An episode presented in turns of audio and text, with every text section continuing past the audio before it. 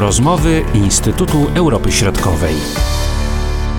Witamy naszych słuchaczy w rozmowach Instytutu Europy Środkowej. Przed mikrofonami Marcin Superczyński.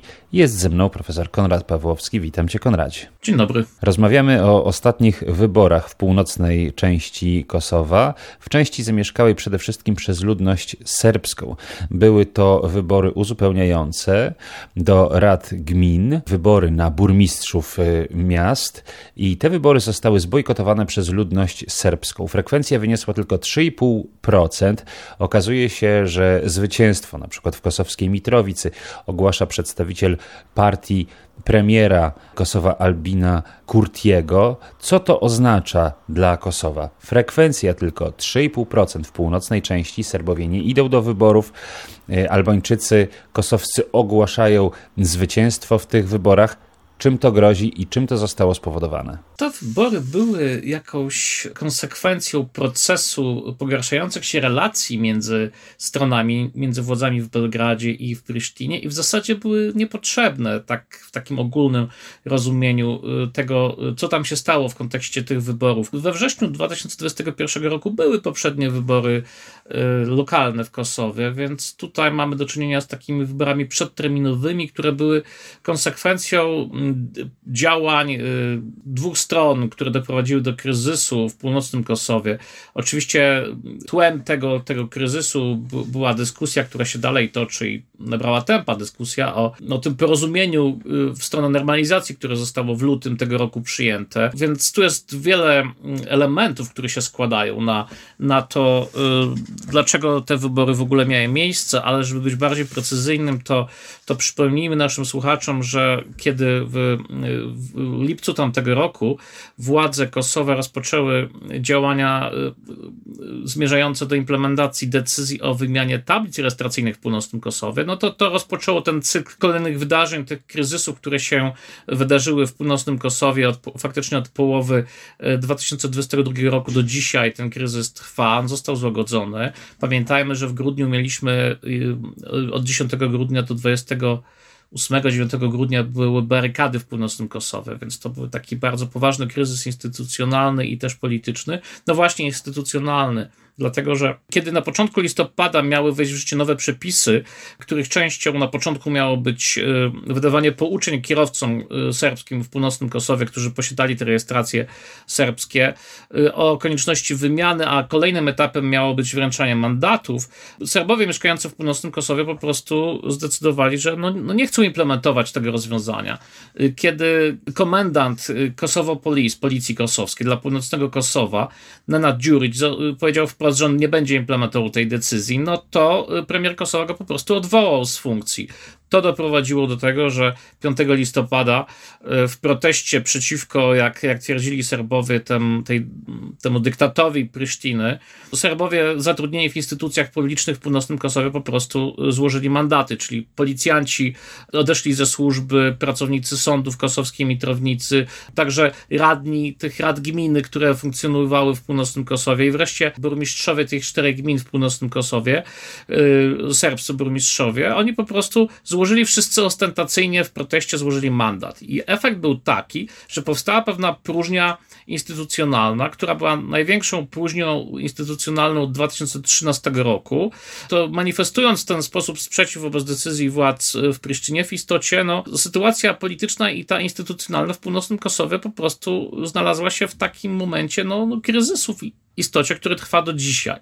I co, co było dalej? No dalej oczywiście w wyniku presji europejskiej 23 listopada doszło do porozumienia, czyli strony zawarły porozumienie w kwestii tych tablic rejestracyjnych w, wielkim skrócie władze Serbii zdecydowały, że nie będą wydawały nowych tablic odwołujących się do Kosowa, a władze w Prisztinie zrezygnowały z wydawania mandatów i pewnie e, zdejmowania tych tablic, więc to porozumienie obowiązuje do, e, do dzisiaj. Natomiast dalej jest problemem e, jego implementacja chyba w każde porozumienie, które zostało zawarte w, te, w, ramach tego dialogu, a e, jest to ponad 30 różnego rodzaju e, porozumień, chociaż ich pełna liczba jest zapewne większa, bo, bo niektóre te porozumienia miały formę także ustną. Natomiast tak czy inaczej, e, od początku zawsze problemem jest implementacja i to porozumienie też już dzisiaj jest problematyczne, ale dlaczego, dlaczego tylko powiem tak, że, że, że Serbia interpretuje go inaczej, a władze Kosowa inaczej, po prostu po 23 listopada, jeśli komuś wygasły rejestracje te serbskie w północnym Kosowie, to on wyjedzie z tego Kosowa przez tylko dwa przejścia oczywiście w Jarynie Byrniak, ale już nie może wrócić na rejestracji serbskie odwołujące się do miast w Kosowie. E, natomiast władze Serbii twierdzą, że jest to naruszenie porozumienia z 23 listopada, ponieważ e, e, stwierdziły, że rzeczywiście nie będą wydawały nowych tablic tym Serbom w północnym Kosowie, natomiast przedłużyły ważność tych obowiązujących. W Serbii rejestrację e, otrzymuje się na rok, więc władze Serbii e, zrobiły, jakby, no, zrobiły taki wyjątek, taki, e, po prostu przedłużają ważność rejestracji tym Serbom z północnego Kosowa. Tych rejestracji jest pewnie około 9 tysięcy, więc to jest jeden, jeden tylko z elementów tego sporu. Kolejnym elementem jest obecność właśnie na, w północnym Kosowie policji kosowskiej, bo kiedy Serbowie odeszli ze służby w policji, a ta policja była etnicznie większość, w większości serbska, e, no to pojawili się funkcjonariusze narodowości albańskiej. To, to jest niebezpieczna sytuacja. Nawet, nawet kilka dni temu, kilkanaście dni temu doszło, doszło do e, postrzelenia Serba, który nie zatrzymał się, e, wezwany do zatrzymania przez e, policję kosowską. Więc obecność tych funkcjonariuszy albańskich na północy jest dla Serbów pewnym elementem prowokacyjnym. Dalej na północy są także funkcjonariusze jednostek specjalnych policji kosowskiej, co jest uznawane za taką formę okupacji północnego Kosowa. Więc y, kryzys w północnym Kosowie, który, ma miejsce dzisiaj, jest konsekwencją z jednej strony y, działań władz Kosowa, które konsekwentnie dążą do ustanowienia tej pełnej jurysdykcji w północnym Kosowie, a z drugiej strony jest konsekwencją działań Serbii, które, e, no, które się temu w mniejszym lub większym zakresie po prostu sprzeciwiają. W jakimś sensie ofiarą tej, tej, tej rywalizacji politycznej także, tych manifestacji są kosowscy Serbowie, którzy żyją w północnym Kosowie, bo, bo to północne Kosowo, o czym wiele razy mówiliśmy, jest pewną swoistą enklawą, taką enklawą, która mm, graniczy z, z Serbią bezpośrednio i ta władza mm, Kosowa Kosowa czy Republiki Kosowa nigdy się tam nie przejawiała z taką pełną siłą. To jest obszar, który jest na 93% zamieszkany przez, e, przez kosowskich Serbów, którzy, którzy zgodzili się w 2013 roku na włączenie w instytucjonalny Kosowa, dlatego że władze w Belgradzie przekonywały, że Kosowo jest częścią Serbii, więc oni są u siebie i powinni być i funkcjonować w ramach tego, tego czegoś, czym jest Kosowo, w ramach tej, tej prowincji autonomicznej, jak to Serbowie chcą widzieć. No, natomiast nie jest to takie proste i w istocie proces włączania tych czterech gmin północnego Kosowa yy, w struktury instytucjonalne Kosowa dokonał się przy sporym oporze Serbów z północnego Kosowa.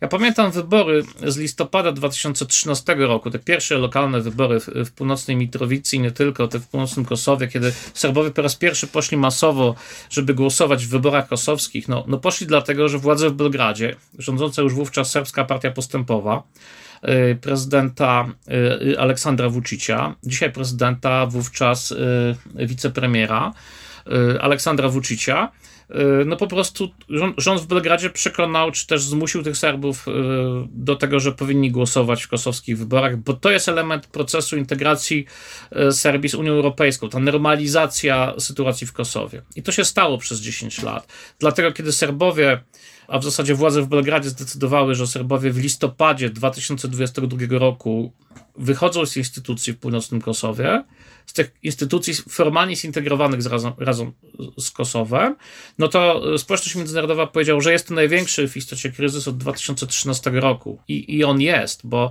Serbowie nie wrócili do tych instytucji kosowskich. To powiedzmy może, jak y, wyglądały te y, wyniki w poszczególnych gminach. Wyniki wyborów nie są zaskakujące, dlatego że było wiadomo, że Serbowie zbojkotują te wybory, więc dane, które się pojawiły od razu po głosowaniu wskazywały, że w północnej, w gminie Północna Mitrowica głosowało 837 137 osób, w Leposawiciu 141, w Zubin Potoku 385, a w, w Zweczan 204 osoby głosowały, ponieważ Serbowie zbojkotowali także udział y, w tych wyborach, więc na 10 kandydatów na burmistrzów tylko jeden kandydat reprezentował Serbów w istocie. Jeden, jeden kandydat się wycofał. Aleksander Jablanowicz z partii kosowskich Serbów kilka dni przed wyborami się wycofał. Natomiast startowała kandydatka niezależna, Sladziana Pantowicz, która startowała na urząd burmistrza gminy Zweczan. Co ciekawe, uzyskała łącznie pięć głosów więc to jest skala bojkotu jest dość no, wyraźna. Co, co jest ciekawe, y, te wybory odbyły się także w trochę, trochę nietypowy sposób, ponieważ y, do niedawna, od 2013 roku, kiedy Serbowie na północy przymuszeni przez Belgrad zaakceptowali, że te wybory się będą odbywały, wybory, podkreślmy, kosowskie, organizowane przez władze w Prisztinie, y, więc one odbywały się w szkołach, w lokalach wyborczych. Natomiast z uwagi na tą napiętą sytuację, jednak ten bojkot tych wyborów, one się odbyły, ale w 19 lokalach wyborczych. W ostatnich wyborach było chyba 44 lokali, więc tym razem było ich tylko 19, z czego 13 punktów wyborczych to były kontenery, y, kontenery biurowe wystawione w miejscach, gdzie mogliby obywatele głosować. Natomiast sześciu tylko normalnych lokalach wyborczych odbywało się głosowanie. Oczywiście w tej części akurat północnego Kosowa, gdzie gdzie ludność e, albańska stanowi jakąś, jakąś większość, bo też są takie, e, takie e, miejsca. Więc te 13 kontenerów biurowych na 19 lokali wyborczych pokazuje, że no, no nie, chciano, nie chciano też Serbów antagonizować i na siłę organizować tych wyborów. Pamiętajmy, że próba przygotowania y, wyborów, bo te wybory miały się odbyć w grudniu y, początkowo, 18 grudnia i 25 grudnia, takie były daty, no to się nie udało, bo na początku grudnia doszło do faktycznie mm, y, no, takiego niemal ataku na komisję wyborczą i zdemolowania lokalów wyborczych przez Serbów, który, którzy zaprotestowali organizacji wyborów w Zubin Potoku i w kosowskiej, w północnej Mitrowicy, więc, więc Serbowie wyraźnie wtedy pokazali, że nie życzą sobie organizacji tych wyborów, tym razem tak nie było, bo znowu ta dyplomacja e, działa i e, władze w Belgradzie zdecydowały, że nie będzie protestów, nie będzie e, jakichś form sprzeciwiania się, więc wybory przebiegły w absolutnie w spokojnej atmosferze, takiej weekendowej atmosferze. Nie było demonstracji, manifestacji. No, wyniki pokazały masowy bojkot, masowy bojkot przez tych wyborów przez Serbów. Prezydent Serbii na konferencji wskazywał, że głosowało tylko 13 Serbów, tych wyborach, a dwóch przez pomyłkę dodatkowo. Y, swoją drogą jest to zaskakujące y, i też trochę stygmatyzujące, bo y, bo jest jeden element, o którym też warto powiedzieć, że ta społeczność serbska w północnej Kosowie jest jednak y, podporządkowana tym decyzjom politycznym w Belgradzie y, i część osób wskazuje po prostu, że to jest brutalny dyktat i y, Serbia i prezydent Vucic po prostu rządzą sceną polityczną kosowską, jeśli chodzi o, o, o część serbską tej sceny politycznej, narzucając swoje wole, których wykonawcą jest lista serbska. Elementem tego, że decyzje zapadają w Belgradzie jest chociażby to, że no, osoby powszechnie y, uznawane za powiedzmy kontrowersyjnych biznesmenów y, z północnego Kosowa. To są osoby, które są członkami y, Serbskiej Partii Postępowej, też listy serbskiej w północnym Kosowie, więc to pokazuje, że na co część Serbów się skarży, że nie ma e, pluralizmu wśród kosowskich Serbów na tej scenie politycznej Kosowa, że wszystkim rządzi Belgrad. A jeżeli ktoś jest bardziej ugodowy, tak jak było to ostatnio, jeśli ludzie, którzy chcieli wymieniać te rejestracje na kosowskie, byli zastraszani i są i zawsze byli, ale, ale egzemplifikacją tego było chociażby to, że e, kilka samochodów spłonęło z rejestracjami. Jeśli ktoś wymienił rejestrację na kosowską jako element zastraszania, żeby nie wymieniać. No dobrze, no a co teraz będzie dalej? Bo Mamy tych burmistrzów, którzy są Albańczykami. No i jak oni sobie wyobrażają y, sprawowanie swojego urzędu y, w takim miejscu? Y, no przecież sama policja to jednak trochę mało, prawda, żeby to funkcjonowało. No i co się wydarzy w związku z tym? Jak długo taki stan może się utrzymywać? Mówi się, że 2,5 roku, ale nie chce mi się wierzyć, Czeka, że tak będzie tak, tak przez 2,5 roku, bo to, co dzisiaj władze Serbii mówią, czyli do kolejnych wyborów, myślę, że to, co, y, co się stanie, to będą jednak znowu wybory na, na to, w krótszym okresie czasu, natomiast Wcześniej oczywiście, jeszcze w tym roku, można się spodziewać, że powstanie w końcu to wspólnota gmin serbskich. I wtedy te wybory, y, jeśli ta wspólnota powstanie, ona da tym gminom serbskim pewną autonomię i możliwości finansowania, formalne możliwości finansowania ze strony Belgradu, myślę, że naturalną konsekwencją y, będzie y, po prostu będą kolejne wybory, które wyłonią tych przedstawicieli władz samorządowych, którzy będą reprezentowali większość serbską w tych gminach. Tak to widzę, szczerze mówiąc, no, bo, bo sytuacja, kiedy rady gminy i burmistrzowie reprezentują absolutną mniejszość na północy Kosowa oznacza, że Serbowie się od tych instytucji kompletnie odwrócą. Te instytucje będą sobie funkcjonowały, natomiast tam dalej mm, działają też instytucje serbskie. Y, osoby, które, y, osoby, które no, porzuciły zatrudnienie w tych instytucjach kosowskich, otrzymują wynagrodzenie od władz w Belgradzie. Regularnie co miesiąc otrzymują pensję. Prezydent Vucic wzmocnił także, podwyższył zasiłki tymczasowe wydawane osobom, które, które są no, bezrobotne, więc też ten tak, tak zwany, ta, ta pomoc socjalna dla Serbów w północnym Kosowie jest transferowana. To są dziesiątki milionów y, y, euro, tak jak się popatrzy na to, więc, y, więc Serbowie będą sobie teraz funkcjonowali co nie jest niczym czymś nowym w północnym Kosowie, będą funkcjonowali obok tych instytucji, które będą formalnie e, instytucjami kosowskimi i też dominowanymi przez kosowskich Albańczyków. To nie jest scenariusz na długi okres czasu moim zdaniem rozwiązaniem scenariuszem jest po prostu w końcu utworzenie wspólnoty gmin serbskich i ponowne wybory. To będzie scenariusz, który rozładuje tą, e, ten kryzys w północnym Kosowie, Prezydent Vucic mówi bardzo emocjonalnie, mówi, że to jest okupacja północnego Kosowa. Przy akceptacji Unii Europejskiej stworzono getto dla Serbów w północnym Kosowie. Retoryka jest bardzo y, no, taka emocjonalna ze strony Belgradu. Obywatele serbscy w północnym Kosowie są kompletnie, kompletnie zdezorientowani. Bo z jednej strony y, jest retoryka o tej okupacji północnego Kosowa, a z drugiej strony prezydent mówi, że trzeba zachować spokój, y, bez, y, bezpieczeństwo, spokój, stabilność. Y, no i dalej trwają przecież negocjacje. 5 maja odbędzie się spotkanie w Kurki. Być może tutaj zapadną jakieś decyzje wreszcie w kwestii wspólnoty gmin serbskich. E, społeczność międzynarodowa tego oczekuje i, i rzeczywiście to będzie ten scenariusz wyjścia z tego kryzysu. Czyli sytuacja jest daleka od normalności. To jest fakt, ale z drugiej strony całe szczęście, że nie doszło do eskalacji tutaj przemocy, prawda? Że tutaj jednak e, po prostu tak się to potoczyło, można powiedzieć, e, w taki spokojny sposób. Tak, bo, bo tu nie ma miejsca na scenariusze siłowe, więc oczywiście eskalacja konfliktu zawsze się może zdarzyć. Ktoś gdzieś strzeli, ktoś Y, odpowie i to jest to niebezpieczeństwo, bo, to, bo ta eskalacja y, tego kryzysu no, od połowy minionego roku ma miejsce. Y, wszystkie wydarzenia dotyczące jakiejś form międzyetnicznej przemocy, one są bardzo widoczne w mediach, więc jest to niebezpieczeństwo. No na szczęście są siły międzynarodowe, siły kierowane przez NATO, siły kworu, które ponad 3800 żołnierzy, którzy pilnują, żeby tam nie wybuchła wojna i oni robią to skutecznie. I jest to rzeczywiście ta obecność NATO ma charakter stabilizujący.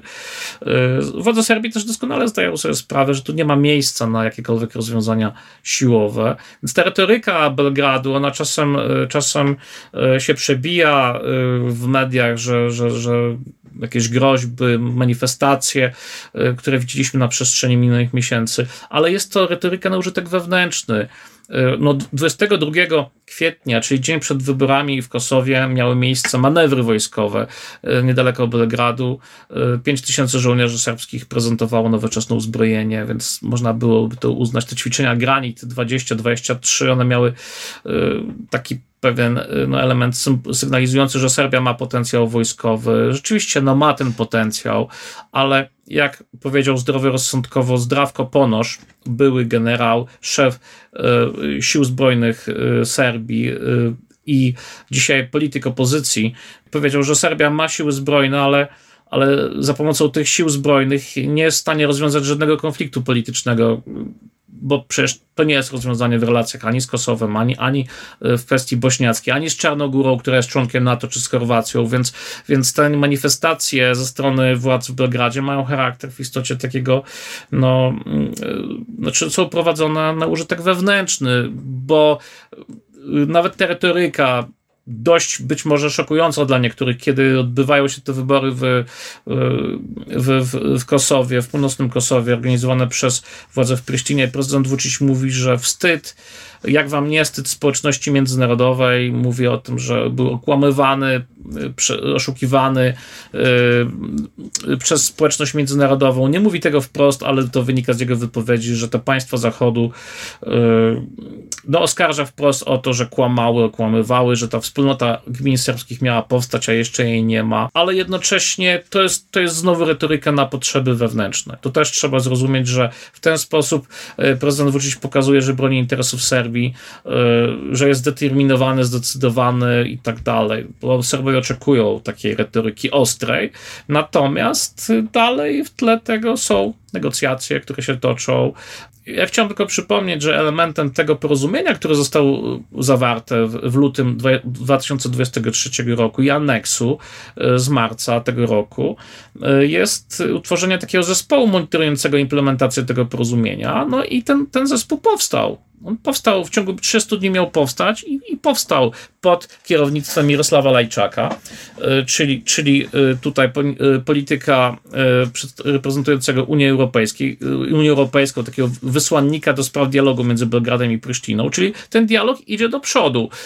Kolejnym elementem będzie zaprezentowanie jakiejś formy tej wspólnoty gmin serbskich. To się musi, czy spodziewamy się, że to się stanie, ponieważ te naciski ze strony Zachodu, a przede wszystkim Amerykanów, którzy widać ewidentnie, że, że już chcieliby, żeby w końcu to zobowiązanie władz Kosowa zostało wykonane, więc tutaj Zachód e, no także wysuwa oczekiwania pewne pod adresem e, premiera Kosowa, który się opiera, więc e, wbrew pozorom ten dialog posuwa się do przodu, może nie na tej pierwszej płaszczyźnie, którą widzimy, bo my widzimy te zbykatowane wybory, widzimy te manifestacje wzajemne, pewnej niechęci, ale w tle tego jest ten dialog, on się toczy.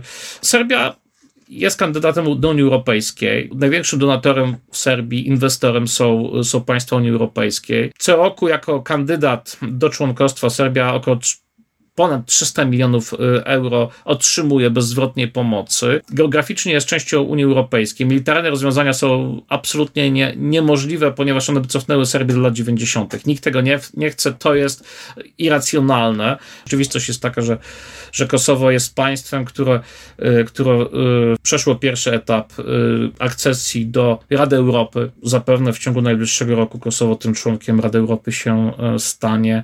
Tutaj państwa Unii Europejskiej i Stany Stany Zjednoczone są zdeterminowane do tego, żeby w Europie nie, nie doszło do wybuchu kolejnej wojny, że ten konflikt kosowski, zamrożony konflikt trzeba po prostu e, rozwiązać, szczególnie dzisiaj, kiedy trwa wojna w Ukrainie i dalej ta niestabilność w regionie Europy Środkowej, Środkowo-Wschodniej ma, ma miejsce. Nie stać nas na kolejną wojnę w Europie. I tu stawiamy kropkę. Bardzo dziękuję za ten komentarz. Konrad Pawłowski i Marcin Superczyński. Do usłyszenia. Były to rozmowy Instytutu Europy Środkowej.